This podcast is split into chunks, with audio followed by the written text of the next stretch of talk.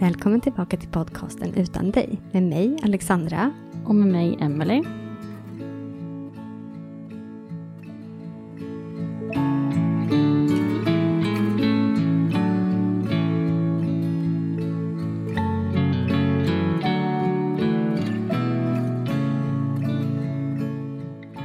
Idag har vi Ebbas mamma och pappa med oss. Isabelle och Viktor. Välkomna. Tack. Tack snälla. Och eh, ni är här idag för att berätta om er dotter som dog av cancer för snart nio månader sedan. Ja, Mm. Det känns jättefint att ni är här med oss idag. Tack. Det känns fint att få vara här och prata med henne. Om henne, med er. Jag tänker att det skulle vara jättefint om det är okej för er. Om ni vill börja och berätta lite om vem Ebba var. Mm. Ebba var eh, sju år. Hon hann aldrig bli åtta. Ebba var en eh, väldigt eh, omtyckt tjej från både vuxna och barn. Otroligt eh, glad i livet och ville nog vara eh, många människor till lags.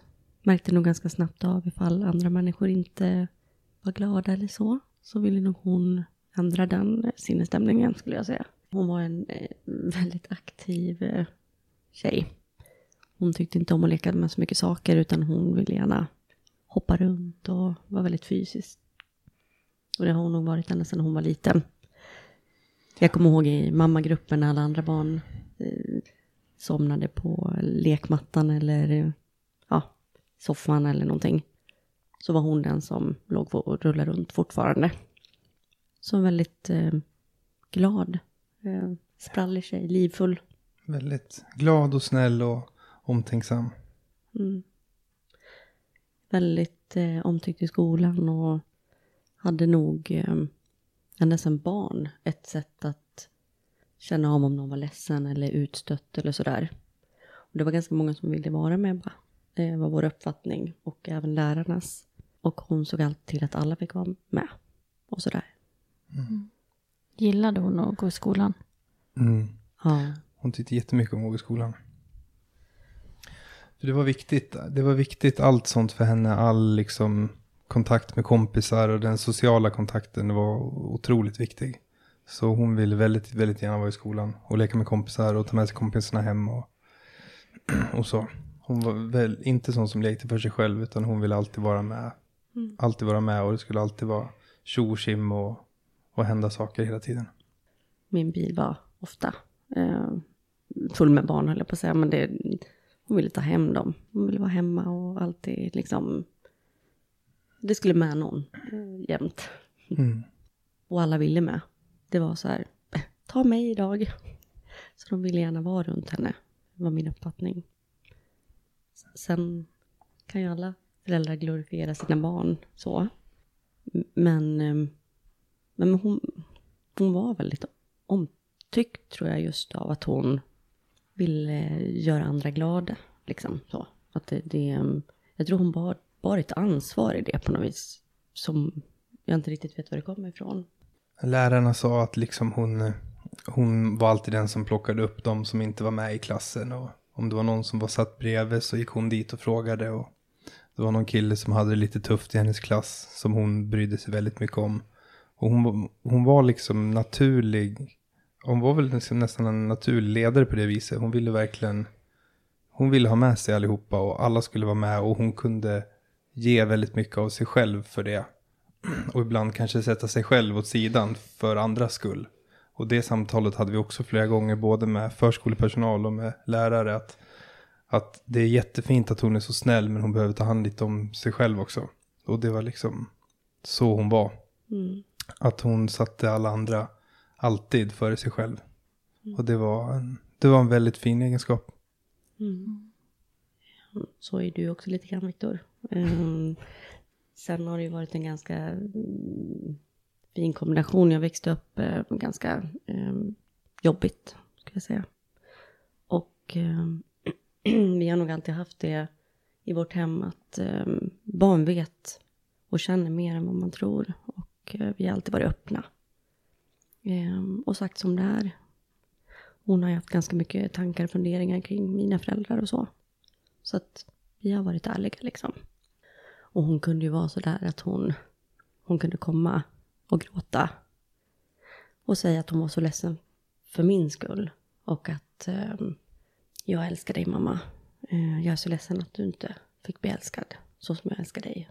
Eh, så hon, hon hade mycket liksom känslor och det kan väl också göra med att vi alltid har visat känslor. Att allt är okej okay att känna så. Och det märker vi ju på Ebbas lillebror nu. Att han är ju lite likadan nu sen Ebba gick bort. Eh, väldigt ex extrovert i sina känslor och berättar på sitt språk hur han känner. Så, så att det beskriver nog henne ganska väl liksom. Vi, sa, vi sa alltid, eller jag kommer ihåg flera gånger vi sa att liksom Ebba hon kommer, hon kommer växa upp och så kommer hon, hon kommer växa upp och så kommer hon förändra världen, sa vi. För att eh, hon skulle liksom inte, hon skulle blivit en sån som inte hade kunnat stå bredvid och se på när det hände folk då illa. Liksom. Hon brydde sig för mycket. Så jag vet att hon hade aldrig kunnat liksom bara se på medan hemska saker hände. Utan hon hade gjort skillnad. Hon hade verkligen ansträngt sig och eh, nästan känt sig tvungen att göra det tror jag.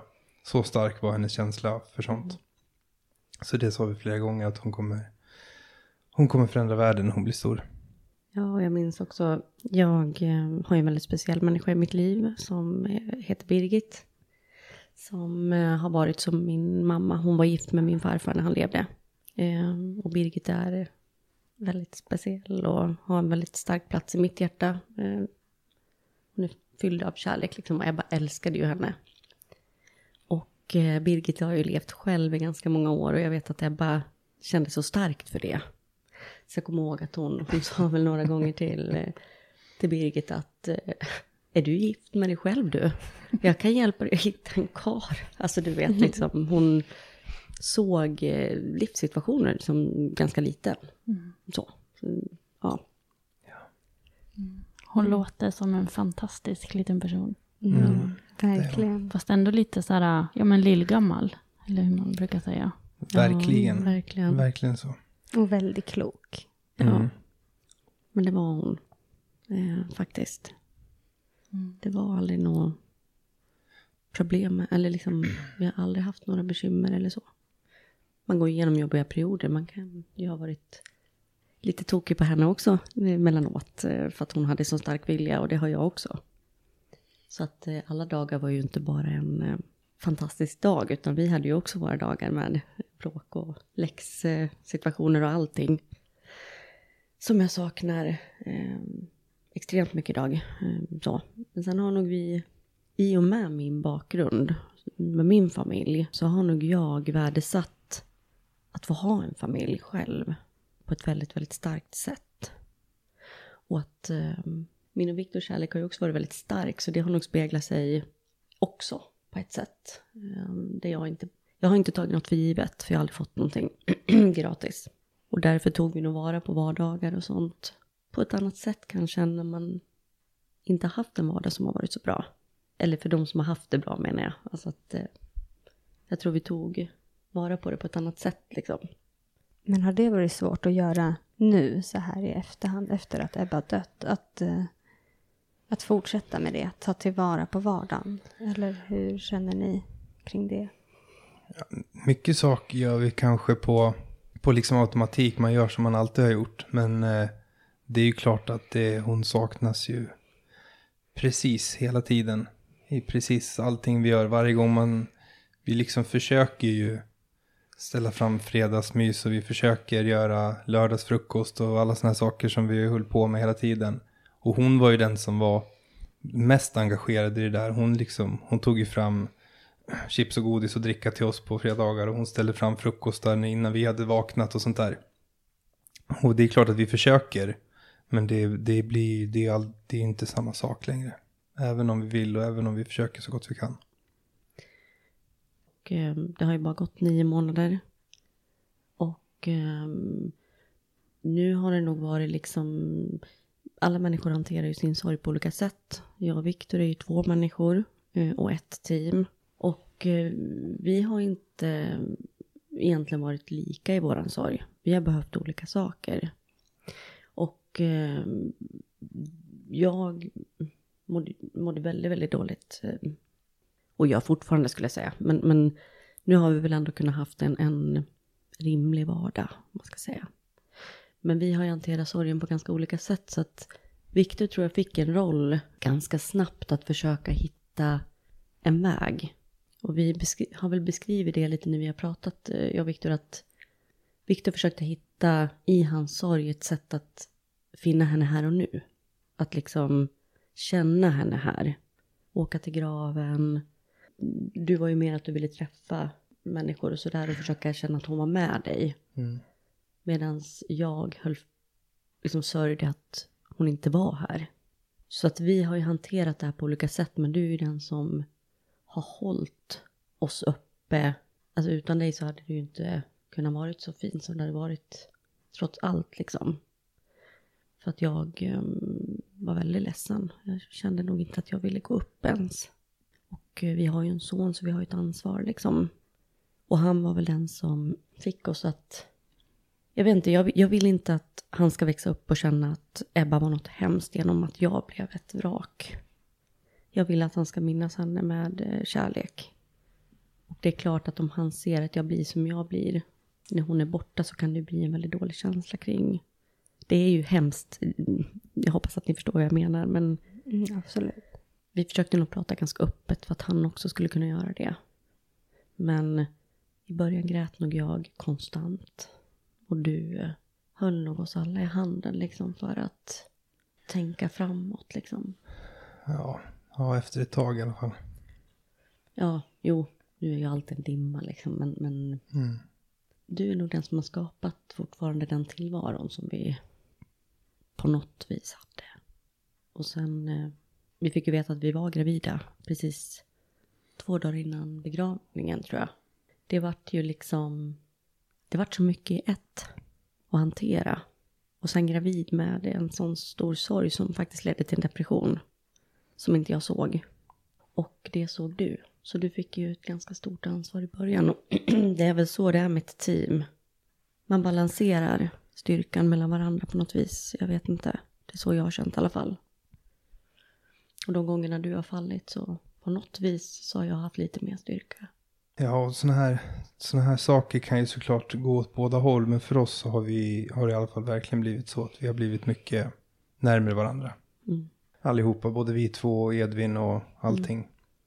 Ja, det har inte varit eh, något så, utan mer att det har eh, funnits en väldigt liksom, stark respekt mellan oss i hur vi har hanterat det. Eh, och jag tror att eh, den respekten på något vis har nog hållit oss som ett riktigt team i det här. Liksom, att, eh, att man har respekterat att vi är olika i sorgen. Mm. Jag tror att det kan bli lätt att man kanske dömer eller varför vill du åka iväg och spela musik eller var, varför vill du göra de här sakerna? Medans jag har sett vad Viktor har behövt. Och försökt uppmuntra till det. Och han har ju funnits och sett vad jag har behövt. Och du fick nog hjälpa mig mer i början att få hjälp. Och så. Jag tänkte lite på, vi har ju nämnt nu att Ebba har en lillebror, Edvin. Mm. Hur gammal var han när Ebba dog? Han hade precis fyllt tre. Så vi firade ju hans treårsdag när Ebba var, var eller ja, hon var ju sjuk redan innan, men från att vi visste att hon var sjuk. Så det, det var vi med. Men, eh, och jag trodde, jag vet att jag sa det, pappa påminde mig om att, för jag kommer inte ihåg det här, de första tio dagarna efter att vi fick beskedet på, på Uppsala, att Ebba skulle dö, att det inte fanns någonting de kunde göra. Så det kommer, jag kommer inte ihåg, jag kommer inte ihåg någonting av de första tio dagarna tror jag, men pappa påminde mig om att bland de första sakerna jag sa i, i min förtvivlan när de kom upp till sjukhuset, för de kom upp till sjukhuset samma dag, var att Edvin, eh, Edvin kommer inte komma ihåg henne. Edvin kommer aldrig veta att, att hon var här. Men det är någonting som har förvånat mig, för han pratar om henne jättemycket. Och gjorde det redan från början och gör det fortfarande. Och de på dagis säger att han pratar om henne på, på skolan, och, eller på förskolan. Och han ritar teckningar till henne på skolan och sådär. Så även fast han bara var tre år, eller precis hade fyllt tre år, så är jag helt övertygad om att han kommer komma ihåg henne. Och det förvånade mig, för jag trodde inte det. Jag trodde att det skulle liksom, jag var rädd för att det skulle gå ganska fort och sen skulle han liksom glömma bort henne. Eller vad man, vad man säger. Men så har, det, så har det verkligen inte varit. Han, han pratar om henne hela tiden och han vill, på kvällen när han går och lägger sig så vill han titta på Ebba, säger han. Så då ska vi ta fram filmer på telefonen eller bilder på telefonen och sådär. Och sen vill han att vi ska läsa låtsasbok. Och då är det alltid Ebba och Edvin som ska springa från någon dinosaurie eller gömma sig från T-Rex eller göra något sånt där. Så det är alltid Ebba och Edvin som ska göra hyss i när vi berättar påhittade historier för honom när han ska sova. Mm. Mm, vad fint. Ja, för det är en sån här sak man, det, det är klart att man tänkte på det innan också, men nu efterhand när man ser bilder och filmer så ser, från när de, alltså från när Edvin var mindre, så ser man att Ebba och Edvin satt ihop hela tiden. Mm. Det är liksom inte så här att de lekte ibland och lekte i sidan av ibland, utan varenda kort jag hittar och varenda video jag hittar, då sitter de ihop och Ebba håller på att pyssla med honom. Mm. Och hon håller på att duka fram och fika till honom som han inte vill ha, eller ställer i ordning några dinosaurier på ett sätt, alltså allt. Mm. Så det finns ingen, vi älskar Edvin obegränsat, men det finns ingen som, som älskar honom så mycket som Ebba gjorde. Nej. Och som Ebba gör, jag vet inte. Men... Mm. Nej, um, hon, uh, jag vet ibland om hon blev irriterad på honom så, um, så tog det en sekund innan hon hoppade tillbaka och kramade och sa, här men ta den. Liksom, hon, hon fick dåligt samvete direkt. Uh, ja, och, um, det kanske har att göra med åldersskillnaden också, att hon kände nog att hon behövde ta, som, alltså ta hand om honom på ett annat sätt. Mm. Men sen Edvin han är ju en riktig dinosauriefantast. Eh, och det ska alltid vara en, en, en stor och en liten dinosaurie av allting. Och en är liksom Ebba och en är han. Det är, mm. eh, så att hon finns med honom på ett, ett sätt som, som, som barn. Men på ett mycket tydligare sätt än vad vi någonsin trodde. Liksom, så. Men skulle ni vilja berätta lite om hur ni märkte att Ebba var sjuk? Det kom ju symptom successivt och krypande. Det var liksom inte att man märkte tydligt utan det var små saker som kom hela tiden och det var bland annat att hon tyckte att hon blev yr i huvudet.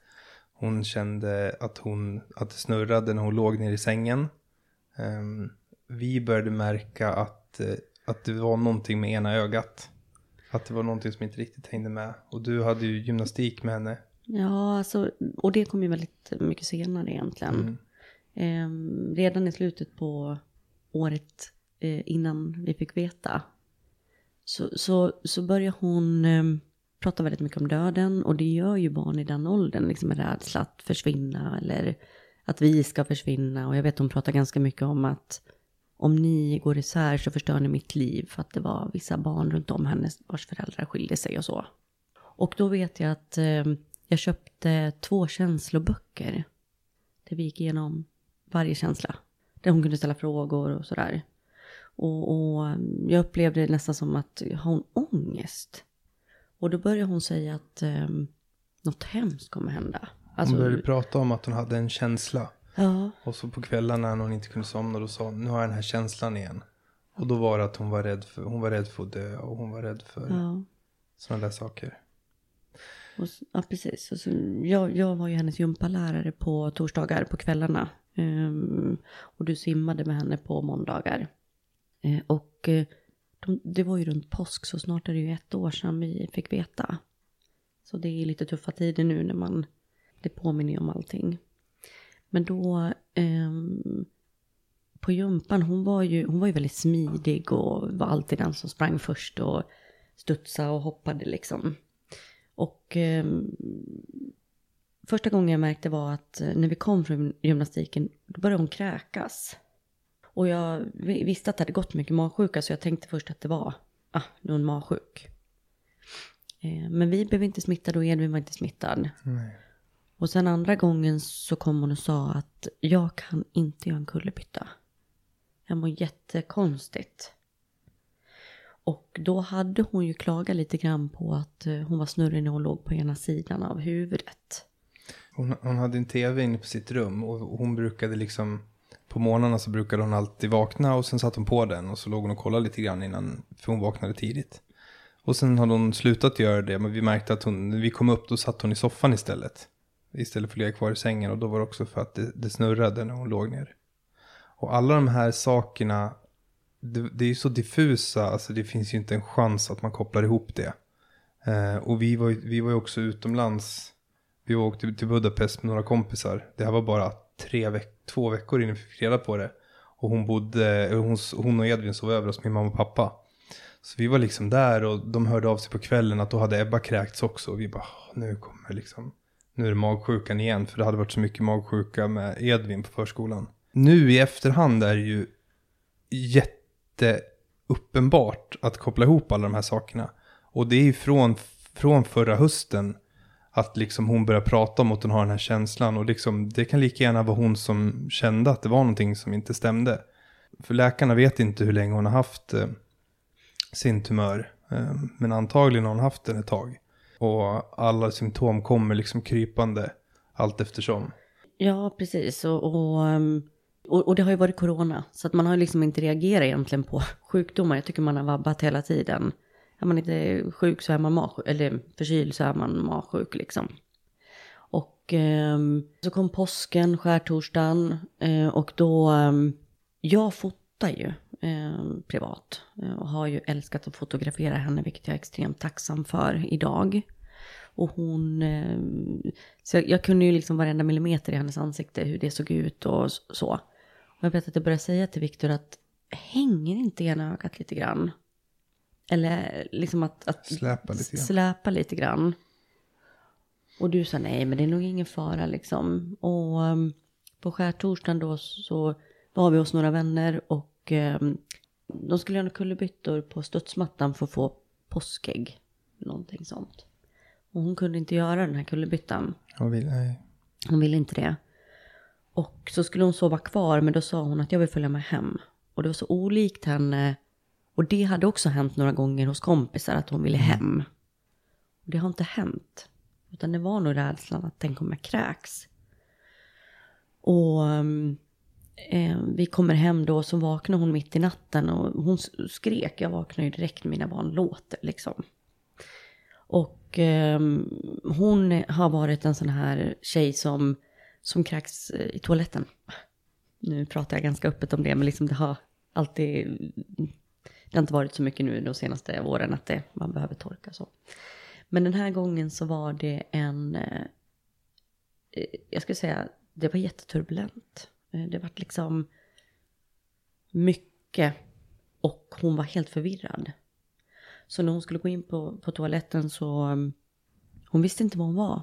Hon bara ropade och alltså hon, det var som att hon var besatt av någonting. Hon fick liksom leta med armarna efter väggen för hon, det kändes inte som att hon såg vart den var. Och hon var tvungen att hålla i sig för att inte tappa balansen. Mm. Um, så, och det var ju såklart liksom jätteomvälvande. Så vi... Ja, vi hade ju också varit utomlands med barnen. Um, så vi tänkte, grannarna sa någonting om borrelia. Så vi tänkte att, att tänk om det är det. Och du skulle renovera dagen efter och jag sa att nej men ni eh, få åka in. Mm. Och då, nu i efterhand så har jag ju tänkt, för vid två tillfällen så har Ebba mm, personlighetsförändrats. Eh, en gång när vi satt och gjorde läxa, då blev hon liksom så arg så hon kastade pennan. Alltså det var ett sätt som jag aldrig någonsin har sett. För hon brukade aldrig någonsin bete sig på det sättet. Och nu när hon skulle åka in till sjukhuset var det samma sak. Hon mm. var jätte, jättearg och skrek att hon hatade mig. Och det var ju någonting som hon inte sa. Eh, men ni åkte in, ni fick sitta många, många timmar där inne. Ja, alltså vi, det där hände ju på natten och vi liksom torkade upp och, och duschade av henne och sen la vi oss igen och sov. Och sen på morgonen, jag, liksom, jag gick ut på balkongen och fortsatte snickra med någon hängränna eller vad, vad jag höll på med liksom. Och sen sa Bella ändå att nej men nu, du får ändå åka in, det, liksom, det var ganska det var ganska upprivande det som hände i natt. Liksom. Det, det, det var inte riktigt vanligt. Eller liksom, det var någonting som inte stämde. Jag ringde ju 1177 ja. också. Mm. Så då, då, jag tog med mig Ebba och så åkte jag in. och så liksom tänker man så här, ja, ah, nu ska jag åka in och sitta där i ett par timmar och vänta och sen kommer de ändå säga att man ska åka hem och ja men det, det, vi hade alltså inte en blekaste aning. Och jag kände liksom inte ens att det var, att det var någon, någonting att åka in för. Jag tänkte det där går, det, väl, det går väl över. Och sen åker vi in och vi får sitta i timmar och vänta och sen så får vi träffa en läkare. Och då börjar jag ju beskriva hennes, eh, liksom att hon vinglar lite grann när hon går. Vi bad henne titta på ögonen och sådär. men jag tror inte hon riktigt såg läkaren då. Och så började jag förklara att hon var liksom yr och sådär. Men sen vet jag, vi satt där ett tag och vi pratade med en läkare och hon gick iväg och så kom det tillbaka en till. För hon skulle mest bara kolla att det inte var akut. Vilket det, hon inte tyckte det var, eller det inte var.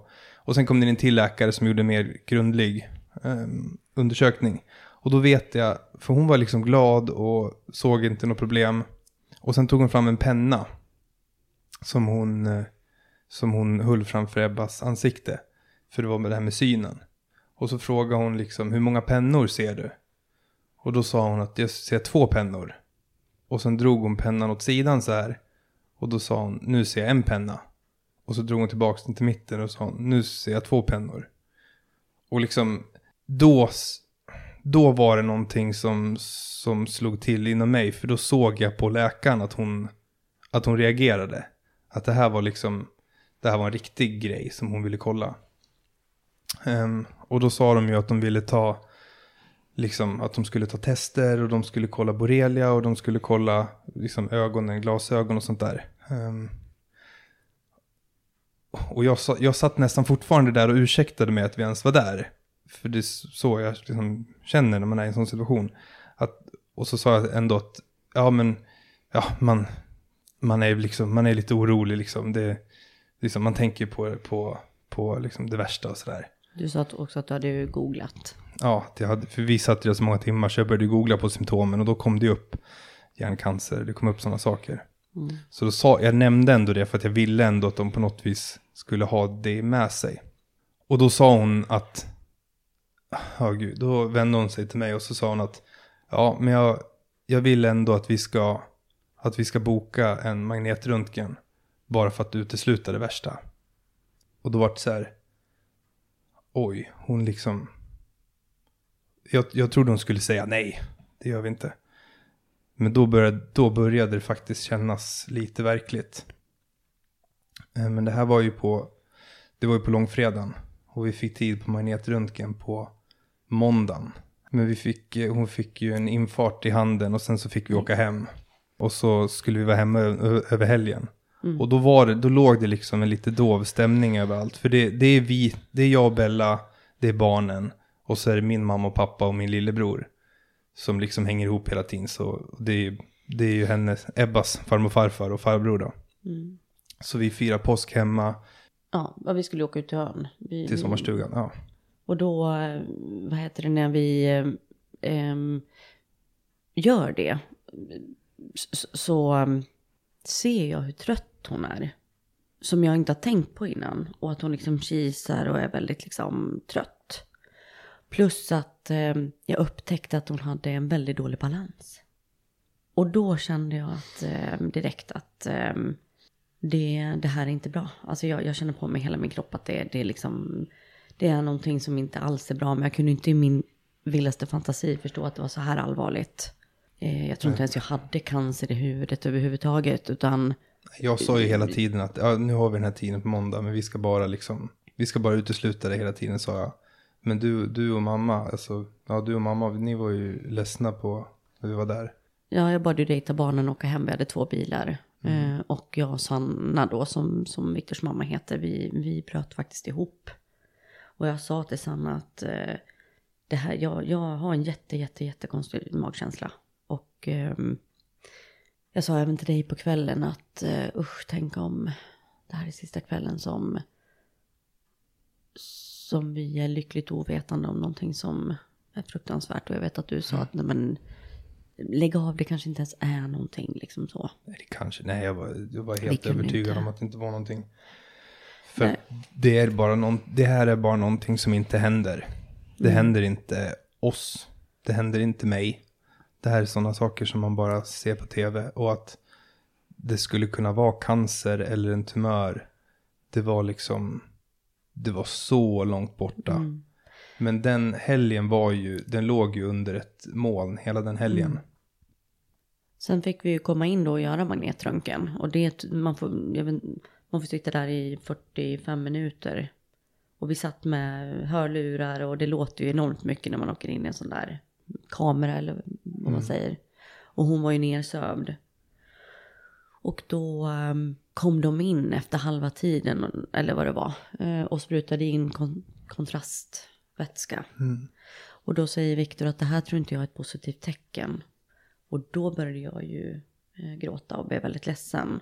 Och då läkaren klappar om mig.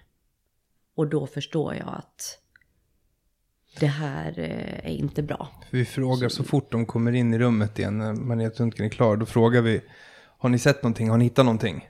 Och, och hon, de håller bara om Bella och så säger de, men vi har fått jättebra bilder så vi ska skicka vidare dem. Mm. För de får ju inte, eller kan inte säga någonting. Men det var som att liksom hela vår nya verklighet med sjukhus och allting, det är liksom, den världen kom krypande på oss innan vi ens riktigt visste vad det var. Mm. För vi åkte in på sjukhuset, de sövde henne och då hade vi fortfarande ingen aning. Men, och sen hela den biten, vi gjorde röntgen och sen fick vi gå upp på rummet igen och Ebba fick vakna. Och vi fick ett påskägg eh, och hon käkade lite godis och sådär. Men sen så kommer de ju in då en läkare som faktiskt bor bredvid oss. Eh, Hon har ju funnits där och kommit till oss i slutet, eh, var med när Ebba dog också. Hon, eh, ja men de kommer in och, och bara frågar Ebba liksom hur länge har du mått så här? Eh, och jag sa att eh, sluta, eh, säg som där, har ni hittat någonting? Och då säger de ju direkt att ja, vi har hittat en tumör. Vi har de, va? hittat en liten knöl i bakhuvudet sa hon. Och då, jag får ju panik eh, och går ut. Eh, och faller ihop liksom. För jag fattar, jag, det, det vart sån chock för att man hade varit på spänn och så, så länge. Och så, eh, din mamma kom ju direkt. Och vi får gå in i något rum och då säger de att ni ska få åka till Uppsala direkt. Och ehm, ja, det finns bra hjälp att få men jag kunde nog inte förstå att det var cancer. Hon sa, hon sa ju en knöl liksom. Och ehm, i Västerås så har det ju varit, Ebba var väl fjärde fallet av samma diagnos. Och det här är ju en väldigt ovanlig cancersort. Ja, det fjärde fallet på fem, fem år. Ja, så att det, det har ju varit liksom, och det är ju en, åtta personer i, i Sverige som får det här per år kan man säga. Ja, ungefär. Och um, så de förstod väl ganska på en gång vad det var. Den här läkaren hade väl haft några utav dem. Så. Ja. Och ehm, så. Ja, sen åker vi ju in till Uppsala och vi får ju svaret på dagen efter kan man säga. Ja, precis. Ja, de, de berättar att hon har knöl och säger att vi ska åka med ambulans och vi har en vi har liksom en timme på oss att, att åka hem. Så Bella och mamma åker hem och packar, jag stannar kvar med Ebba och liksom du vet man tar upp telefonen, börjar googla barncancer, då står det liksom att åtta, eller åtta, tio, åtta av tio barn överlever, man kan få svåra komplikationer. Så jag sitter och tänker, åh herregud, liksom, kommer hon få problem nu när hon växer upp? Om det ska vara en så vad, vad gör man? Som strålbehandling, jag vet inte vad som är vad, du kommer tappa håret, alla sådana här saker. Bara snurrar runt i huvudet. Och så kommer ambulansen och de åker upp med oss till Uppsala och då är klockan blivit mycket. Vi kommer fram till Uppsala på kvällen, 12 eller 10-11 någonting på natten. Och hamnar liksom inte på någon barnavdelning utan vi hamnar ju på, på intensivvårdsavdelningen. Neuro. Nev neurointensivvård, ja precis, NIVA kallas det. Och det är liksom en öppen sal, det är sex stycken bäddar helt öppna. Det är liksom, det är, det är gamla människor som ligger och hostar och som är jätte, jätte, jättesjuka. Och det är ett upplyst litet bås i mitten där det sitter två läkare eller sjuksköterskor som övervakar patienterna. Och det är liksom, det är dropp och det är, det är piper och det är liksom lyser, massa gröna och röda dioder överallt. Och det är liksom eh, hjärt, eh, bättre, det, sån här hjärtavkännare som mäter pulsen och grejer. Och man liksom, jag har liksom aldrig varit i den typen av, av miljö. Och de rullar fram en säng som du och Ebba ska få sova i. Och så en liten säng bredvid mig. Och vi ska liksom försöka ligga där och sova. Utan att det är någon som kan säga någonting. För då är det ju ingen som, får säga någonting. Jag får träffa en ung, en ung läkare, han var yngre än mig, han kanske var 25-årsåldern, han måste ha varit helt nyexaminerad. Som kommer in och säger att nej men, liksom specialisterna kommer in i morgon bitti och ska titta på bilderna. Och jag säger bara, men vad, vad, vad ser du för någonting? Och då säger han bara att det sitter, det sitter lite dumt till, sa han. Och det, mm. det fick vi gå och lägga oss med. Och då hade vi vaknat på morgonen hemma i sängen, precis som vanligt. Men även om man sa det så tänker man ju alltid att nej men någon löser det här. Eh, död för mig, för mig fanns inte. Men på morgonen så var det exakt det de sa. Eh, att eh, vi fick gå in i något rum, kopiatorrum. Det fanns inte ens ett samtalsrum vi kunde gå in i. Det var något rum som fylldes med några läkare. Och då sa de att det här kommer inte gå att operera. De var iskalla. Och eh, jag trodde ju att jag skulle vara den som grät och, och visade mycket känslor. Men, men Viktor gjorde ju det och var väldigt ledsen och jag eh, svimmade. Så jag var helt lik. Jag, jag fick inte fram ett ljud för jag förstod inte riktigt vad ens de sa. Utan jag hörde bara att hon hade nio månader kvar att leva. Och eh, sen vaknade jag upp. Sen satt vi med en präst, typ. Ja. Och sen så, eh, efter det så var allt igång. Så ja. de sa helt enkelt till oss att, ja, de har, hon har ungefär nio månader kvar. Det finns ingenting, det finns ingenting som vi kan göra. Det finns ingenting som någon i hela världen kan göra. För den här tumören sitter på hjärnstammen mitt i huvudet och det är helt omöjligt att operera och det finns, det finns ingen annan medicin, ingen strålning, ingenting som, som kan göra någonting annat än att kanske bara förlänga hennes liv lite grann. Mm. Men hon kommer, hon kommer att dö. Och det var ju också så att de eh, ganska nyligen hade börjat med biopsier. Det hade de ju inte vågat gjort på den här typen av tumör innan. Så bara genom att de sa det gav ju oss att nej men kanske kommer Ebba vara den första i världen som överlever det här. Hon är ju så speciell liksom. Och se våran lilla dotter sitta där och liksom, ehm, ja oh, jag vet inte. Hon vill ju leva mer än oss. Hon hade ju sagt bara för några månader sedan att Gud vad jag älskar mitt liv, kan man få leva två gånger? Mamma, jag vill verkligen leva mitt liv två gånger, jag älskar det här liksom. Som jag hade setat och läst massa känsloböcker för. Att eh, man dör när man blir gammal. Och hur ska jag nu hantera en sån här situation? Och Edvin, vem ska ta hand Alltså det vart ju så mycket tankar i det här och, och um, dina föräldrar var ju där direkt. Och jag är, jag är faktiskt så um, chockad över allt som bara kom runt om oss uh, i en sån här situation. Dina föräldrar som fanns dag ut och dag in och Edvin som bodde hemma hos dem. De satt och åkte till Uppsala varje dag med Edvin för att han skulle få träffa Ebba och äta middag med oss. Och så åkte de hem. Och så, så många människor. Jag vet att jag, jag räknade någon gång efter kanske två veckor och försökte komma på hur många människor vi hade pratat med. Och jag, jag, var, jag var redan då uppe i hundra personer. På sjukhuset ja. Alltså på sjukhuset och runt omkring och Barncancerfonden. De har ju, de har ju sköterskor som anställda av Barncancerfonden. Som bara jobbar med att ta hand om familjer. Mm. Um, för det är ju så, såklart mycket mer än bara patienten när det gäller barn. Det är ju hela familjen också. Mm.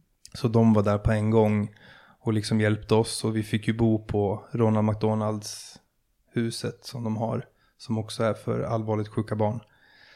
Eh, och liksom så många människor där som ville ta hand om oss och, och alla på sjukhuset och där. Så de, de och liksom, ja, det, vi var ju helt oförmögna att, att kunna tänka överhuvudtaget klart. Men det drogs liksom igång så otroligt mycket. Hon skulle göra biopsi efter bara en vecka eller tio dagar. Om vi skulle börja stråla henne efter bara någon, en vecka efter det. Och sånt. Så att Ja, egentligen då efter att man har fått veta att ens barn ska dö så ska man ta en himla massa beslut. Mm. Eh, som inte kommer hjälpa henne i alla fall. Utan biopsin var ju mer att man skulle hitta en medicin som kanske kunde bromsa just den här tumören. För att den här tumören, även om, om barn får samma diagnos så ter den sig så extremt olika på olika barn. Ebba dog efter tre och en halv månad. Vissa barn lever nio månader, vissa lever ett år, ett och ett halvt. Och det beror ju på hur aggressiv den är och hur, hur um, snabbt den vill växa liksom. Och vi blev satta i en position där vi behövde liksom ta ett beslut om att operera henne som var en risk. Eh, raka och skära henne i huvudet. Alltså det var, det var liksom sådana absurda situationer som man ställde sig inför att säga ja eller nej till. Ja, det kom liksom in han kirurgen som var helt fantastisk, men han som var neurokirurg. Han kom in och så sa han, ja, vill ni göra den här liksom, eh, vad heter det? Vad heter det? Eh, biopsin. Biopsin. Mm. Eh, vi sticker in, vi gör ett hål i hennes bakhuvud och sticker in en nål eller för att försöka få ut en bit av tumören och så. Eh, men det, hon, hon, kan, hon kan dö av den operationen liksom. Men vill ni göra den? Och man bara, eh, eh, vänta nu här, vad, mm. alltså allting var liksom, helt plötsligt skulle man liksom ta ett sånt beslut om ens dotter om man skulle göra en operation som eventuellt skulle göra att hon dog direkt på operationsbordet. För det var ändå det bästa alternativet för oss. Eller det fanns inget annat alternativ. Nej. För att försöka hitta någon, någon slags medicin som hade kunnat bromsa. Och då pratar vi om att de testade hennes, hennes tumör mot 90 till 100 olika läkemedel på laboratorium i, i Schweiz. För att kanske kunna ge henne några månader till. Mm. Så liksom stor var ansträngningen för att försöka göra någonting. För alla visste att hon, det, är ing, det, är ingen som, det är inget barn som överlever den här tumören. Det har inte gjort det och den här tumören den drabbar lika många barn i hela världen och har gjort det liksom hur länge som helst. Jag hade ändå aldrig hört talas om det. Men ändå så var det liksom, så, så mycket ville de liksom mm. ha. Nej men jag, jag, vet ju också att vi eh, kraschade ju rejält. Vi fick ju väldigt mycket hjälp där i början. Men jag vet att eh, jag ganska snabbt bestämde mig att okej, okay, jag behöver vara den mamma hon behöver nu. För jag kommer inte kunna vara det sen. Jag kan inte ha inställningen att eh, hon kommer överleva. Utan jag måste ta hand om varje dag. Eh, och vara realistisk i det här. För att jag tror att man ganska snabbt kan, vilket alla verkligen gör olika. Men det gjorde också att våra beslut blev därefter. Vi valde inte att eh, åka iväg på någon studie eller liksom så. Utan vi, vi ville vara så lite som möjligt på sjukhus. Eh, vi förstod allvaret i den här sjukdomen eh, direkt. Och där ehm, betydde nog eh, varje dag någonting för oss med henne. Eh, mer än att spendera den på sjukhuset och hitta en lösning. Sen gav vi ju inte upp något hopp eller liksom så. Utan hoppet var ju biopsin och att vi skulle hitta en bromsande medicin. Men våra val därefter, efter också att bestämde oss för att nu måste vi vara föräldrar som orkar med det här för hennes skull. För vi kommer inte, den styrkan kommer inte vi behöva ha sen, för hon kommer inte finnas här. Och då... Nej, det var väl de där tio dagarna eller vad, vad det var innan man, liksom, vi var tvungna att ta oss tillsammans för, för hennes skull. Ja, och så ber vi liksom ett ett team, ett annat team som behövde det. För allting förändras ju, liksom, ja, vi ringde ju våra jobb direkt, det var ju liksom, vi jobbade ju ingenting mer, vi liksom, allt bara hamnade ju på paus, allt bara liksom, mm. allt bara handlade om, om henne. Och det, blir, det är så många saker, det vart liksom inte, vi höll liksom inte på, alltså, alltså vanlig sak, liksom lägga henne klockan åtta på kvällen för att sova. Det liksom mm. fanns ju inte längre. Liksom säga åt henne att hon, nej du, man får inte svära. Det fanns ju inte heller längre. Utan liksom, hon var ju vaken lika länge som vi var och hon började, hon började ju svära och skämta och, ja, och massa ju, grejer. Och det fick, blir ju liksom en... Hon fick ju en ex extremt rolig humor. Eh, på något vis så vart hon... Eh, hon har alltid haft humor och skoja och sådär men hon, hon... Eh, den blev grövre, om man säger så. Eh, så att för oss eh, spelar det ingen roll vad som fick henne att skratta typ. Eh, bara hon skrattade. Eh, så, så det var väl det våra så. dagar gick ut på. att... Så vi hade en, vi hade en tid, det, var, det blev ju tre, månad, tre och en halv månad och det var ju mycket, mycket, mycket mindre än vad vi hade hoppats på och vad läkarna hade trott. För om det hade varit som de hade trott då hade hon kanske fortfarande levt nu. Men vi fick tre och en halv månad där vi liksom, som vart så, där vi var så otroligt närvarande med henne och hon var så närvarande med oss hela tiden och vi var så nära varandra. Ja, det vart liksom en um, kärlek som man skulle haft för henne um, under ett helt år. Kom en dag, Um, varje dag. Och um, Ebba började ju strålas ganska snabbt. Hon vart ju jättedålig väldigt uh, snabbt. Hon tappade ju alla funktioner och jag var nog ganska frågande. Liksom, är det verkligen så här det ska gå till? Ska man bli så här dålig? Ebba var ju väldigt söt. Och eh, det tog väldigt hårt på henne eh, mentalt att förändras på det sättet som hon gjorde. Hon, eh, kortisonet gör ju sitt. Sen vart hon ju förlamad i halva ansiktet så att det hängde. Eh, sen kunde hon ju inte gå ordentligt till slut. Utan vi fick skjutsa henne i rullstol. Till att eh, hon inte ens kunde rita som hon tyckte om för att hon skakade och kunde knappt anstränga handen. Eh, och i slutet kunde hon ju knappt röra händerna heller. Hon kunde, inte, ehm. hon kunde inte blinka eller blunda med ena ögat. Nej. Så hon fick använda salvor för att det torkade ut. Och glasögon och, och liksom lappar mm. för att sätta för. Och... Hon såg ju dubbelt. Så att hon fick ha glasögon som gjorde att de, det blev lite lättare. Och sen ehm, sjukvården var ju fantastisk på det sättet att de, de hjälpte ju oss med, vi ville vara hemma så mycket som möjligt. Hon dog också hemma och vi ville inte vara på sjukhus. Utan hon, hon älskade sitt hem och det var där hon skulle få vara. Så de hjälpte ju oss med alla möjliga liksom, ja, duschstolar, toalettstolar, säng och så som vi behövde eh, från en rullstol till en annan som höll upp nacken och ja, så. Men vi reagerar nog aldrig... Alltså det, det, är så, det är så konstigt, för vi reagerar liksom inte... Hon, hon vart så dålig. Och vi bara böt verktyg. För att anpassa det för att hon skulle kunna röra sig liksom. Och när jag tittar på filmen nu i slutet och hur hon inte ens kan tugga och svälja så förstår man ju nu vad vi var i. Man liksom bara hjälpte henne att överleva varje dag på något vis. Ja, nu så här i efterhand när man liksom, när det börjar, man kan få liksom lite distans. Alltså det är så otroligt att allting, det där bara hände på tre och en halv månad. Hur hon blev sämre och sämre och sämre. För det är det som tumören gör, den sitter på hjärnstammen. Och eh, den kontrollerar ju alla vitala delar som andning och, och att kunna svälja och sådana där saker. Så det är det som till slut händer med tumören. Den, den tar ju upp så mycket av hjärnstammen eh, så att eh, man till slut liksom inte kan andas längre. Och, och, och alltså hjärtat slår inte längre. Mm. Och liksom, alltså jag kan liksom inte ens, det är sånt trauma hela den där tiden. Jag, alltså jag kan liksom inte nu komma ihåg hur det kändes och förstå hur vi jag kan, jag kan inte förstå hur vi klarade det faktiskt. För och se henne bli så dålig. Men varje dag ändå så vaknade vi. Och liksom, och hon också. Och hon, skratt, hon skrattade varje dag trots allt. Mm. Men det svåra i det tycker jag var att eh, i och med att vi var väldigt nära jag och Ebba. Alltså vi pratade ju om det mesta eh, och så. Eh, så frågade ju hon om, om döden. Kommer jag dö mamma? Nu kommer jag väl ändå dö, jag kommer inte kunna gå i ML. Eh, och för oss var det så extremt viktigt att eh, hoppet fick ju henne att skratta.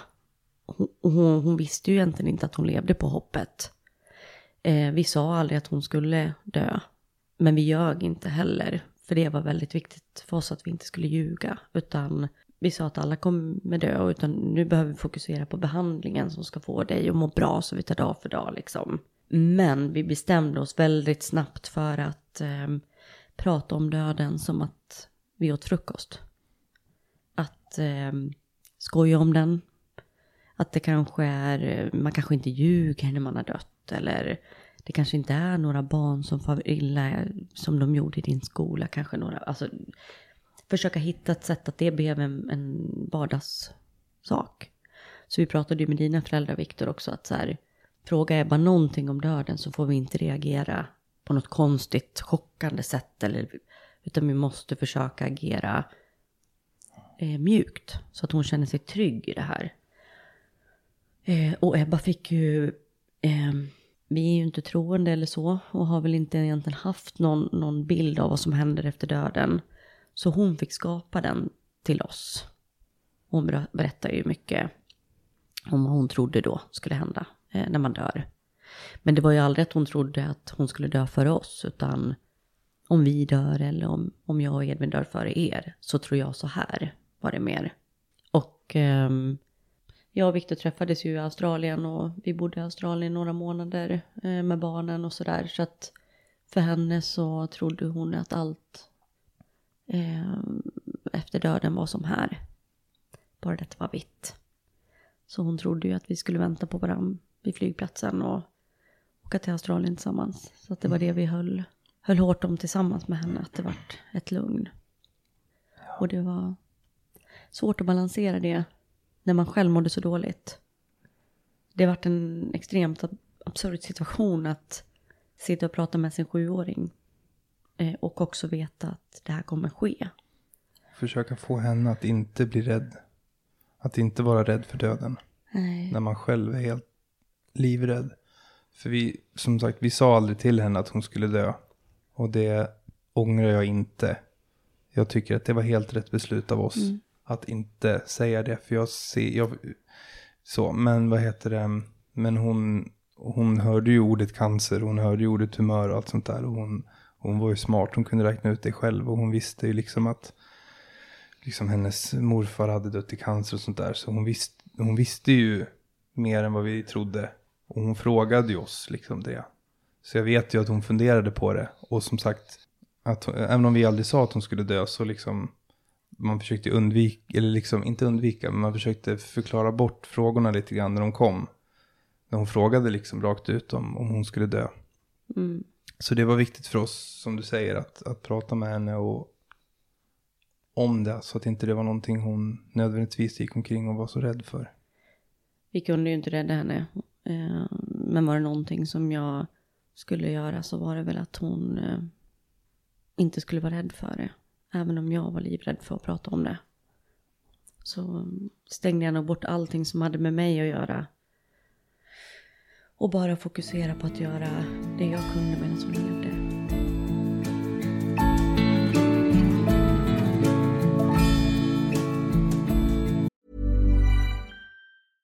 Ryan Reynolds here from Mint Mobile. With the price of just about everything going up during inflation, we thought we'd bring our prices down. So to help us, we brought in a reverse auctioneer, which is apparently a thing. Mint Mobile unlimited premium wireless. Ready to get 30, 30, bit to get 30, bit to get 20, 20, 20, bit to get 20, 20, bit to get 15, 15, 15, 15 just 15 bucks a month. So, Give it a try at mintmobile.com/switch. slash $45 up front for 3 months plus taxes and fees. Promo for new customers for limited time. Unlimited more than 40 gigabytes per month slows. Full terms at mintmobile.com.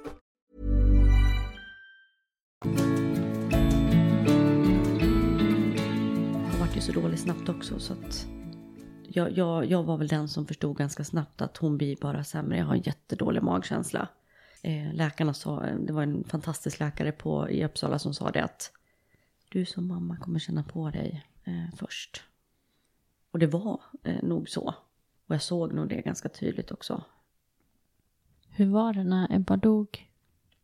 Vi hade varit iväg med min stora dag på helgen och sen var vi hemma på söndagen och då träffade vi läkaren som kom hem till oss och så sa hon att nu är det nog, nu är det nog dags att vi pratar med eh, palliativa vården. Ja, ja vi hade ju varit på Gotland ehm, och hon var ju väldigt dålig på Gotland. Mm. Eh, och så började väl vi när vi kom hem att mm. nu, nu är hon, eller jag började rättare sagt ringa läkarna och eh, jag tror att vi inte har så långt kvar. Jag tror att tumören har växt. Men ehm, eh, jag tror inte de tänkte det för att det hade gått så fort. Men eh, vi blev inlagda efter Gotland och hon fick blödning in i tumören och det var lite turbulent. En till operation fick vi göra och sådär. Men eh, efter operationen när vi kom hem då, då kunde hon ju knappt tala heller. Då hade hon ju tappat, Nej, hon lät nästan prata. som... Hon kunde absolut inte gå längre, hon kunde inte använda ena handen. Och då vet jag att vi gjorde en magnetröntgen och vår läkare ringde och sa att hon har nog bara några veckor kvar. Och då sa jag nej, det är nog bara några dagar kvar. Men vi åkte på min stora dag, men då var hon ju väldigt, väldigt dålig. Och sen kom ju de palliativa kom på söndag kväll. Och började liksom göra upp en plan och, och sådär. Att kunna sätta morfin som hon skulle få in genom armen och så. För de sa att hon ska absolut inte ha ont. Hon ska inte behöva känna ångest. För det gör man när det börjar närma sig. Kroppen känner på sig att det är på väg. Och då fylls man av ångest. Och hon fick ju jättestarka ångestdämpande. Och det var söndag kväll. Ehm, och det var då läkaren sa, eller hon sa att hon trodde att det var liksom fem till sju veckor kvar. Men det var ju bara två dagar. Hon gick bort på, på tisdagen efteråt. Så vi var hemma. De kom på morgonen på tisdag morgon. Då åt hon det sista. Hon åt lite jordgubbskräm. Och sen, eh, sen så bar, hon hade ju så ont. Hon kunde liksom inte sitta på något vis. För hon hade ont i benen.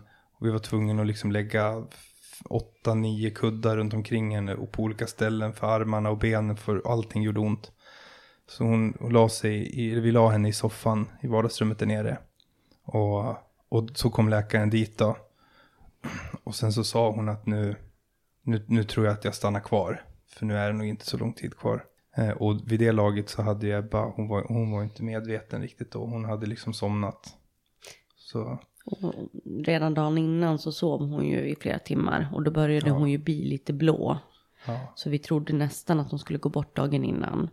Men sen vaknade hon till på kvällen och jag skulle ju fylla år på helg, eller jag fyllde år mm, helgen efter hon dog. Eh, ni gav mig en present. Då, då försökte hon ju. Ja. Ett armband eller ett halsband till dig som hon, som hon ville ge. Mm. Och då tittade hon upp men alltså, hon var så um, grumlig i ögonen och hon försökte titta på mig. Hon hade så här jättelånga andningsuppehåll. Jag tog ett, jag tog ett andetag och sen kunde det vara liksom 10-15 sekunder till nästa. Men hon fick fram att hon älskade mig. Gav mig halsbandet och på natten så var allting fel. Så jag stod och duschade henne mitt i natten och jag var så slut. Jag bröt ihop och sa jag orkar inget mer Ebba. Jag, vi måste sova, jag orkar inget mer. Och man, man blir ju väldigt personlighetsförändrad med hjärntumör. Och eh, de senaste dagarna så fick hon ju en medicin som man får mot ångest. Eh, Oxascand. också skand. Som skulle göra att hon inte var så arg. Eh, vi har ju aldrig sett henne så arg. Eh, och jag vet att jag bröt ihop natten innan hon dog. Att eh, man var så slut. Alltså det går inte att förklara eh, när man har ett eh, sånt sjukt barn. Som var så frisk för bara någon månad sedan. Och eh, man ska mata, man ska bära, man ska, hon kan inte ens gå på toaletten själv. Och när hon väl är på toaletten kan hon inte göra det själv. Eh, det var ju liksom allt. Och så var hon arg mellan varven, speciellt på Viktor. Och så fick hon då medic- medicinen och sådär. Men, men ja, hon var väldigt arg. Eh, och jag sa nu orkar jag inget mer. Sen på morgon, morgonen när vi vaknade så um, tog hon lite kräm. Men hon var ganska blå. Hon, hon fick ju inte tillräckligt mycket med luft. Jag vet att jag fick sån eh, eh, ångest och det har jag än idag. Att fan kan jag inte bara duschat henne ännu längre. Så man hakar ju upp sig ganska mycket på sådana saker fast att man gjorde allt runt omkring i alla fall. Nej men, men vi flyttade ju henne till soffan då. Så vi, vi låg ju där. Du låg fall. bredvid henne i soffan och jag låg på andra sidan. Och mamma och pappa och Jonas var där och läkaren var där och en sjuks, sjuksyster från palliativa vården var där. Och vi bara satt där hela dagen Ja. bredvid henne. Och det var så himla speciellt för att Edvin var med. Eh, Ebba låg i soffan, jag gick inte ens på toaletten. Jag, låg, jag åt ingenting. Jag, jag låg med henne alltså, tills att hon inte fanns kvar. Och eh, utanför dörren så, så trimmar våra granne häcken. Och det åker en buss förbi. Det var liksom en augustidag, strålande sol, en Ja. jättefin sommardag. Och Edvin ska byta bajsblöja. Och leker med dinosaurierna. Så det var liksom så mycket liv och död i samma rum. Om jag ska beskriva det så. Eh, Medan jag låg och höll min eh, eh, hand på hennes mage och hjärta och kände, har det stannat? Andas hon, hon, andas hon igen? Eh, för det var så långt mellan varven. Och eh, hon ville verkligen inte sluta andas. Det tog fem timmar. Ja, vi låg i soffan i fem timmar. Mm. Och sen, eh, det liksom, det, hon blir liksom, ja, det är så kroppen fungerar. För att när kroppen inte får tillräckligt mycket syre så, så liksom försöker kroppen i alla fall. Så hon blir varm, jätte, jätte, jättevarm. Som hon, har, hon hade haft jättemycket feber. Och hjärtat börjar pumpa jättesnabbt för att den försöker ta hand om allt det lilla syret som hon får. Och sen drog hon någon sån sista djupt andetag. Och så slutade hjärtat att slå. Och sen så, sen så chippade hon efter andan igen. Och så började hjärtat slå en stund till. Jättefort. I kanske 30 sekunder. Och sen slutade det igen. Och de sa ju det, läkarna, att det är ju för att det är för att det är inget, det är inget fel på kroppen. Den där kroppen skulle ha levt i 80 år till. Det var bara i en tumör i hjärnan som bara tvingade kroppen att stänga ner. För cancern spred sig i den delen av hjärnan. Men det var ingenting annat det var fel på. Allt annat var friskt. Mm. Så kroppen verkligen försökte hålla igång. Men det, det gick inte. Så. Så från att hon var blå skulle jag säga. Blev hon som en docka. Vit. Och det var sju, klockan var sju på kvällen. Ja, vi bar upp henne på hennes rum så hon var kvar över natten. Det spelar ingen roll om hon var död eller levande. Jag ville vara där hon var liksom. Viktor bar ut henne när de kom och skulle hämta henne på eftermiddagen sen. Det var nästan värre än själva dödsögonblicket. Eh, att se, liksom bära ut henne, folk gick ute med hundarna liksom. Det kommer två, två män med, från begravningsentreprenören. För, med svarta kostymer och kommer upp och ställer sig på hennes rum när vi ligger bredvid henne i sängen och säger att nu ska de, nu är det dags. Så får vi bära ner henne och lägga henne på en bår ute på en uppfart. Mitt i solen, som du säger, folk gick förbi med hundarna och var ute och joggade. Mm. Och jag bar ut henne och la henne där i en stor svart bil. Som de la ett täcke eller ett lakan över hela henne. Precis det där som man tänker att man gör. Man ser på film. Som man ser på film. Och sen rullade de in henne i bilen och så stängde de dörren och sen åkte de iväg. Och på något vis så har man ju, alltså, ens barn är ens rättighet. Eller vad, man, vad säger man? Plötsligt så, så var det inte min rättighet att ha henne hemma. Utan någon tog en kropp som jag har skapat och eh, åkte iväg. Och det var nog det värsta. Det var nästan värre än, än beskedet av tumören skulle jag säga. Att eh, någon annan bara tog henne ifrån mig. Eh, och jag, jag, skulle bara vilja tillägga också för jag förstår att eh, många lyssnare kanske har gått igenom liknande händelser. Att alla har ju olika känslor i det här som har varit med om samma sak. Eller har haft barn som dött. Det här är ju bara vad vi känner eh, och hur vi har agerat. Så att alla agerar ju och gör på sitt sätt. Men för oss blev det väldigt viktigt att eh, vara på bårhuset, få vara nära henne och ingen skulle få, få byta om på henne eller Eh, lägga ner henne i kistan utan vi ville göra allting själva. Jag ville vara hos henne oavsett om hon var död eller levande. Det var ju mitt barn liksom. Jag vart ju nästan så att jag ville eh, se hela resan eh, efter också. Hur såg det ut på bårhuset? Eh, vilken kyl låg hon i? Hur såg det ut? Eh, hur, hur såg de ut som hanterade henne? Jag har ju gett henne mat sedan hon föddes. Så det var nog den känslan att, ja. Och vi skulle ju, vi hade bestämt oss för att vi skulle kremera henne också. Eh, och eh, det var ju också så att man hamnade... Sen vi oss bara. Ja, men man hamnade ju i massa frågor eh, som vi behövde ta ställning till även när hon var död, som man inte förstod. Vi har ju fortfarande det. Vi, höll på, vi håller på att beställa hennes gravsten nu. Jag måste åka ut till hennes gravplats och så ska jag mäta lutningen på marken för att veta vad vi ska kunna ha för sten som sarg. Ja. det är inte heller någonting man tror att man ska göra. Bestämma vilken polering vi ska ha på stenen. Och eh, alla sådana saker. Det håller jag på med nu. Det är inte, den har vi inte beställt än.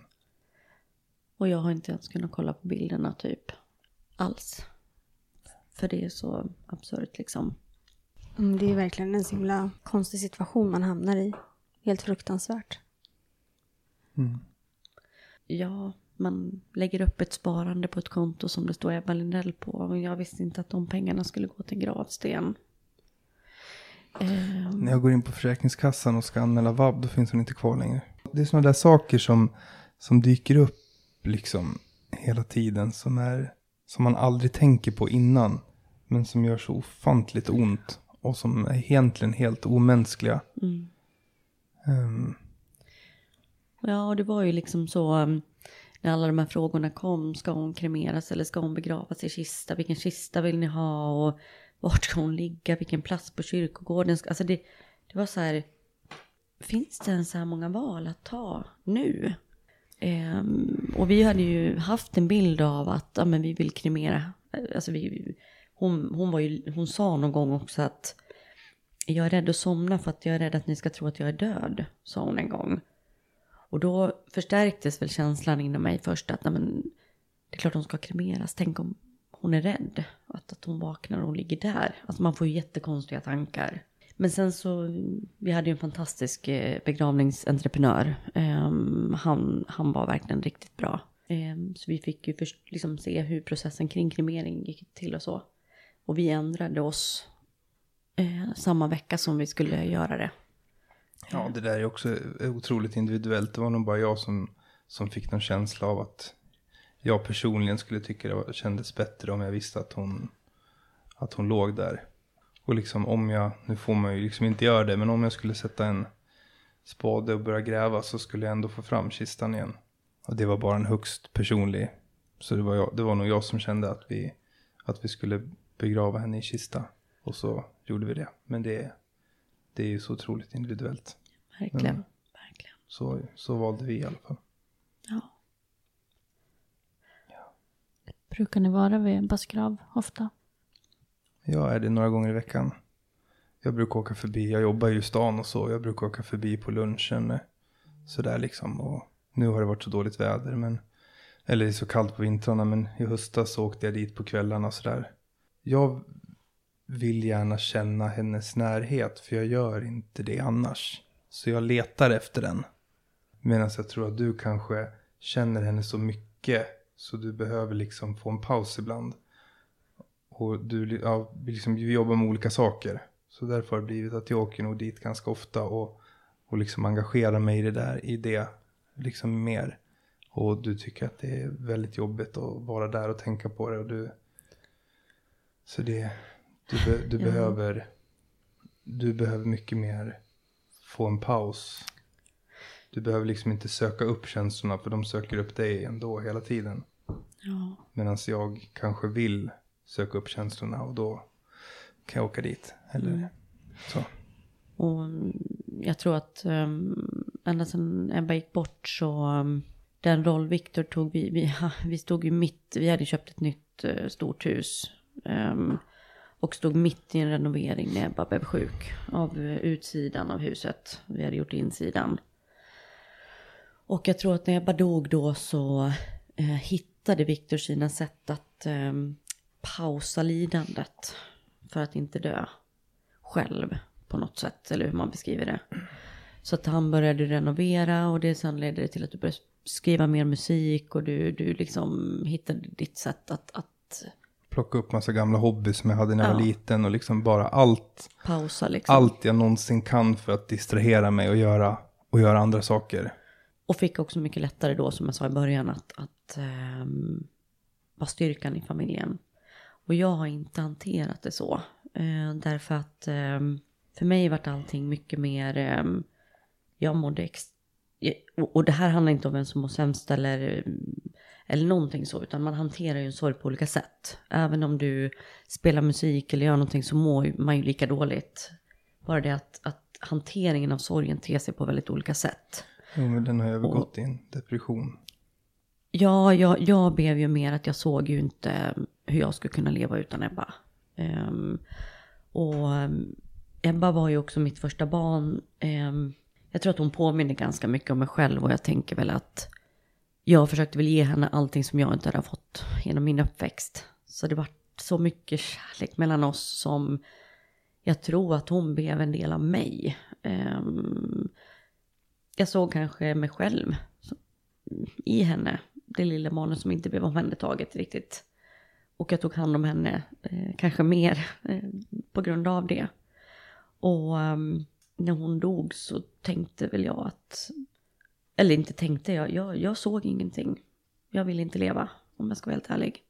Sen så tänkte jag aldrig att jag skulle ta livet av mig eller så, men jag hade ingen lust längre. Edvin fanns där, han var bredvid mig och jag kände jättemycket kärlek för honom. Men jag kunde inte ehm, se att eh, det fanns något fara av livet alls. Eh, vi fick stöd och så, men, men ehm, jag har inte känt att stöd, att prata med kuratorer eller så har varit någon hjälp, inte ens när jag bara fanns. Och under den här tiden, för jag har skrivit väldigt mycket själv istället. Men jag tog mig inte ur det där utan jag gick mörkare och mörkare ner i det här. Jag kunde inte... Eh, jag brukar säga, ja. Jag fick ju kontakt, sen. min läkare är ju fantastisk. Vi har fått väldigt fint stöd av, av eh, läkare och sjukvården och av vänner och allt under den här tiden. Mm. Och min läkare liksom, jag har alltid varit ganska mycket emot mediciner och sånt. Jag har själv aldrig tagit antidepressiva. Eh, och jag har alltid varit väldigt, väldigt eh, nära mina känslor. Eh, och har alltid velat det. Även om man har haft starka PMSer eller vad det nu är som, som kvinna och så. Så har jag liksom lärt mig också att hantera mina situationer genom livet genom att ligga nära mina känslor eh, och förstå dem. Så att när min läkare sa till mig att vet du vad, eh, sorg och depression är inte samma sak. Och jag vill ännu påtala att, att det här är ju väldigt individuellt. Utan nu utgår jag bara ifrån mig själv. Och att alla väljer olika. Ehm, och, och, och, depression är ju ett sjukdomstillstånd kan man väl egentligen säga. Och eh, sorg är ju in, inte det. Eh, även om man tror det. Att jag vet att jag tänkte att när de sa till mig att du är deprimerad. Och jag vet att jag tänkte, är du dum i huvudet? Om jag ska vara helt ärlig. Så tänkte jag så. För att min dotter är död. Det är väl klart att jag känner så här. Um, och det var, det var precis som att du, du faller i vattnet. Och en vanlig människa som, som åker ner i vattnet eh, får ju en ganska snabb reflex av att jag måste andas och upp. Men den reflexen försvann. Det gick bra att eh, landa på botten och ligga där och titta upp och se livet grumligt vad som händer där uppe för jag vill inte upp. Och kan du inte andas då överlever du ju inte. Så när jag fick hjälp av min läkare och Viktor fick mig ändå att inse att vet du, du måste testa det här. Jag, jag, du, var, du var du väldigt orolig för mig också. Så blev det som en flytväst kanske man kan beskriva det som. För att i alla fall kunna andas och guppa med livet en liten stund. Och eh, det här hanterar man ju olika, men, men jag valde till slut, men jag var väldigt eh, emot det och ville inte. Och jag ser ju klarare nu och kan hantera min, min sorg på ett litet annat sätt. I och med att jag eh, inte bara ser att jag inte vill leva. Och eh, när man är gravid och föder sitt första barn så har man ju en bild av hur det ska bli när barnet kommer ut det ska bli så fantastiskt och det här med depressionen, det finns inte och sådär. Eh, och när då ett barn dör så tänker man typ samma sak. Vi ska ha den här platsen, här ska det kännas bra, här ska man känna henne. Eh, och jag kände ju inte så. Och det gav ju mig ångest. Att jag inte åkte till henne varje dag. Där hon kroppsligt låg. Jag trodde ju att jag skulle känna henne där. Men det gjorde jag inte, utan jag hade mer ångest av att, att vara där. Och det har jag än idag. Eh, jag finner ju hennes känsla i hennes rum jag får hålla i hennes hår. Vi klippte av några flätor. Samtidigt som det Viktor sa så, jag, jag har ju försökt att hitta ett sätt att pausa min sorg. Så, så som vi förklarar med Viktor, att han försökte hitta musiken och sådär för att inte drunkna. Och eh, jag gjorde ju aldrig det. Jag var ju gravid också. Eh, vi fick ju veta att vi var gravida eh, direkt efter Ebbas eh, död nästan.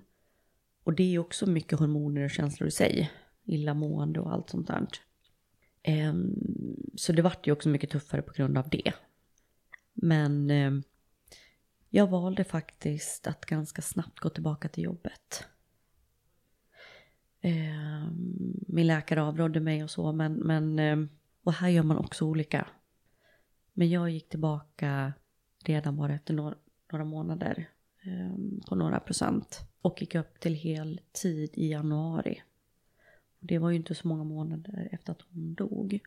Men jag behövde kliva utanför mitt privatliv och stänga dörren och vara utanför det för att jag... Mm, inga känslor lämnade mig. Jag kunde inte göra någonting utan att bara vilja ligga ner liksom. Och jag behövde bara radikalt förändra situationen snabbt för att eh, det var helt outhärdligt liksom. Och för mig har det ändå varit ett sätt att pausa. Även om det kanske har varit jobbigare på, på kvällen när man kommer hem och så. Eh, så vart det min grej liksom. Din grej blev renoveringen och musiken och allt det. Så kunde jag gå in i, i min jobbroll. Jag har ju ett väldigt intensivt jobb. Och för första gången kunde jag nästan tänka, alltså att det inte fanns för en sekund. Så att stänga den där dörren till mitt privatliv var ett sätt, kan, kanske är ett litet sätt att fly. Men då får det väl vara så, tänker jag. För att man inte ska drunkna helt. Mm. Ja, och du får ju återhämtning. Genom att stänga den dörren så får du det här med att kunna andas och liksom, mm. ja, återhämtning på det sättet. Så jag tycker det är jätteklokt att ni gör det som ni mår bäst av. Ja. Även om det är totalt olika saker. Ja. Och vi finns ju med varandra i det och som sagt så är det ingenting som får oss att gå åt något olika håll utan snarare tvärsom faktiskt. Mm. Och man, vi sitter ju här mitt emot er, ni är faktiskt på plats, vilket är jättekul. Mm. Och man ser vilket starkt fint band ni har till varandra när ni mm. tittar på varandra och pratar med varandra och så. Så det, mm. det är jättefint att se. Mm. Ja. Jag, kom, jag kommer ju aldrig kunna dela det här på samma sätt med någon annan människa. Vad jag än skulle vara med om. Mm. Men ja, ni valde ju också att eh, försöka få till syskon. Mm. Mm. Och hur har den resan varit? Om ni vill berätta lite kort. Det var, ja absolut, det var nog, jag tror att det var en, eh, det var liksom, du hade nog en ganska stark, eh, alltså Bella hade alltså någon ganska stark panikreaktion. Liksom direkt. För du sa det ganska, ganska fort och det var ju fortfarande innan de här, alltså vi pratade kanske en vecka efter vi fick beskedet. Och liksom jag, som sagt, som jag sa innan, jag kommer inte ihåg riktigt vad jag tänkte. Men jag kommer ihåg att du sa att vi måste, vi måste, skaffa, vi måste skaffa till barn. Och jag slog ifrån mig den tanken på en gång. Jag tänkte det här, absolut inte. Och sen ju mer liksom, vi tänkte på det där i all panik så kände jag också att det är liksom, jag tror också att det enda, eller jag började på en gång känna att, vi, att vi nästan inte hade något alternativ. Jag kände mig nästan, kände nästan så att vi var liksom, vi var tvungna att göra det för att kunna, kunna få tillbaka någonting igen. Och så tänkte vi ganska på en gång att de har ju sagt ändå att hon kanske får nio månader eller kanske längre tid än så. Så det första vi tänkte det var ju liksom att vi, vi, får gör, vi gör det på en gång och så hinner Ebba träffa sitt, sitt syskon. Och liksom jag hade någon idé om att vi skulle kunna hinna ta en bild med alla fem på. Och liksom ändå kunna ha bilder med Ebba och lillebror eller lilla syster då. Och liksom så att de kunde få tillsammans liksom. För ju mer och mer jag tänkte på det så fanns det liksom inget, för oss, för mig fanns det inte ett alternativ att inte skaffa ett barn till. För vi är ändå i den åldern att vi har möjlighet att kunna göra det och då, ja, ju mer och mer jag tänkte på det, eller vi tänkte på det, så vart det självklart liksom. Och det kom mm. ganska fort. Mm. Eh, som sagt, och förhoppningen, det vi hoppades på var ju att de skulle kunna hinna träffa varandra. Nu blev det ju inte så, men det var så vi hade hoppats. Ja, jag, jag, precis som du säger, jag tror att jag fick en panikattack. Att eh, gud, hur överlever vi det här? Och för mig fanns det inte ett enda alternativ att Ebba inte skulle vara inkluderad i att ett till syskon skulle komma. Och eh, vi hade väl liksom, eh, ska vi ha till eller ska vi inte innan allt det här också lite grann. Eh, Vi var ju väldigt klara med barn men vi var ändå, gud jag vill inte säga att det aldrig kommer bli och lite sådär. Och Ebba har ju velat haft fler syskon. Och vi visste ju inte hur, det, hur snabbt det skulle gå så att vi ville ju involvera henne i den processen också. Och hon, eh, varje månad så sa ju hon att, ja, har, har du har det gått hela vägen nu mamma? Du vet hon har varit väldigt liksom skämtsam. Och hon ville ju ha en... Hon fick en lite buskishumor mot slutet kan vi Ja. säga. Det var mycket, Ja. det var mycket, det var mycket sexskämt. Jag tyckte hon var väldigt roligt. Ja, och det, vi var så chockade var hon hade fått allt det här ifrån. Ja, ja, hon hade snappat upp mycket. Så det, hon tyckte det var väldigt kul och svordomar och sånt där var väldigt roligt. Ja. Men sexskämt, det var, det var mycket kul på slutet. Jag vet att hennes hö- högsta önskan när hon slutade mm, ettan var att farmor och fröken skulle springa eh, nakna i en vattenspridare. Det tyckte hon var superkul att skoja om. Vi liksom, det, ja, mitt i allt det där, det blir liksom så här, vi vill ju ta tillvara på allt hon vill. Så vi frågar ju henne liksom om gång och gång igen, liksom, vi kan, om, vi, om vi kan resa någonstans, vart kan du resa? Du, du får åka vart du vill. Eller om vi vill äta någon, liksom, någon sån här mat, du, liksom, ikväll kan vi äta precis vad vi vill. Eller vad så, nu i sommar, liksom, du får välja, säg bara precis allt du kommer på. Vad vill du mest i hela världen, Ebba? Och hon bara, jag vill att min fröken och farmor ska springa nakna i vattenspridaren. Ja, Så då var det, de gjorde inte det. Men, nej. men de kanske borde ha gjort det. Farmor kände ändå så här, ja om det nu, det får vara värt det liksom. Men, men ehm, eh, jag åkte ju också med henne till strålningen varje dag i Uppsala. Och då pratade hon ju väldigt mycket om att hon ville ha ett syskon som hette E18. Vi åkte ju på E18. Och vi ville ju att barnet skulle börja på E. Och då var jag ju inte ens gravid än. Så eh, nu i efterhand så har ju hon varit lika stor del av det. Eh, och eh, vi fick ju veta att eh, jag var gravid eh, två dagar typ innan begravningen eller någonting sånt. Så att vi, eh, vi kunde ju berätta för henne och lägga ner eh, stickan med henne. Och så hade hon ju familjen i handen. Hon hade ett halsband som var eh, med oss då. Och så stickan då. Och det, Så det, ja, precis, hon ligger med den i, i sin grav. Håller hon i den stickan. ja. Men vi trodde hon skulle finnas med oss, finnas, se. Men det, det känns fint att vi liksom ändå hann prata med henne och hon liksom, och hon, vad ska man säga, att vi fick hennes välsignelse. Att hon ändå fick vara med och påverka det beslutet. Det är fint. Men sen kan jag också tycka att det är väldigt viktigt att bara så här påtala, vi kan ju få, ja ni vet ju, man får ganska mycket kommentarer när man har förlorat barn. Eh, och det blir ju ganska lätt att människor tror att ja, men nu blir det bra till slut. Det här barnet kommer aldrig någonsin ersätta mm, min dotter. Eh, och eh, det finns ingenting jag skulle göra för att få tillbaka det jag har haft. Oavsett om vi fortfarande skulle ha det här barnet också så, um, så är det en jättesvår balansgång för att vara helt ärlig. Att eh, titta bakåt och hålla hårt och inte vilja släppa eller acceptera att hon är borta. Samtidigt ska vi skapa någonting nytt. Så det är inte en vacker saga. Vi kommer älska det här barnet lika mycket som vi älskar våra andra barn. Man gör ju det. Och det är viktigt att, att liksom, för mig att bara så här särskilja att jag sörjer inte att vi ska få ett nytt barn som inte är hon. Utan jag sörjer att hon inte får leva. Och sen är jag tacksam att kunna ge Ebba och Edvin ett syskon. Så det här är verkligen två separata saker för oss. Men det behöver inte vara det för alla som går igenom det här. Så det här är ju väldigt också personligt hur vi känner. Ja, och det, det gäller ju det gäller ju för allt vi har sagt såklart. Ja. Även om må- många människor menar väl med deras kommentarer. Det är ju så svårt att möta någon i sorg.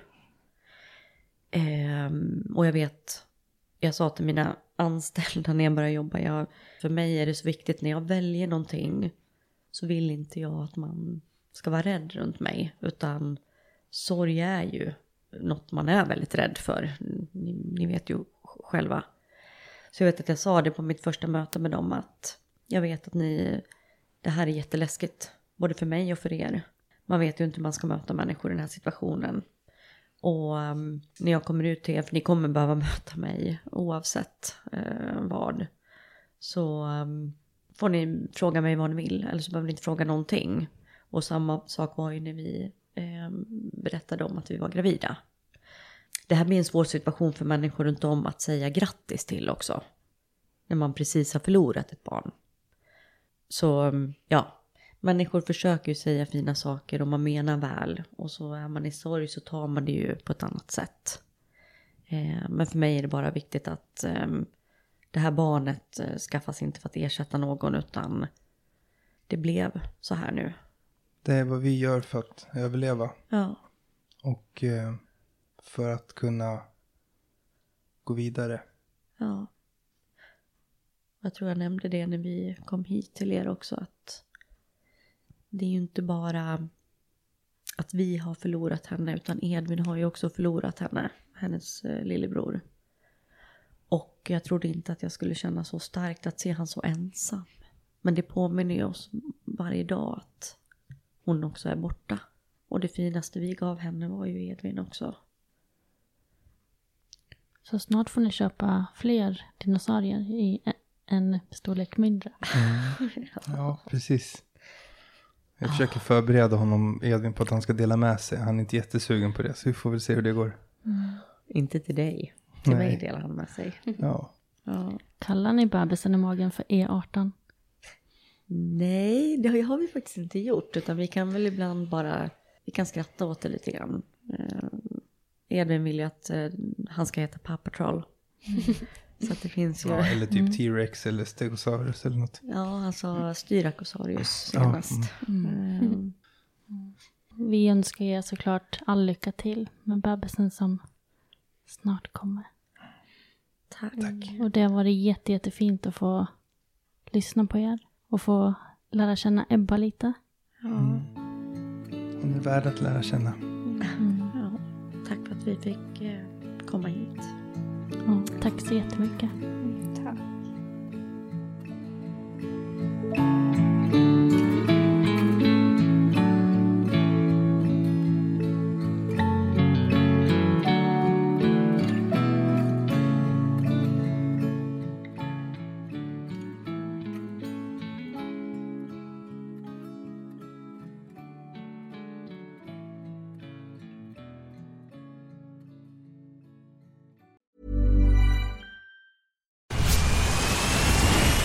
Where's that dust coming from? Still finding debris after vacuuming? Eufy X10 Pro Omni Robot Vacuum has 8,000 PA of powerful suction to remove debris deep in carpets. And it's totally hands free. Want to know more? Go to eufy.com. That's EUFY.com and discover X10 Pro Omni, the best in class all in one robot vacuum for only $799.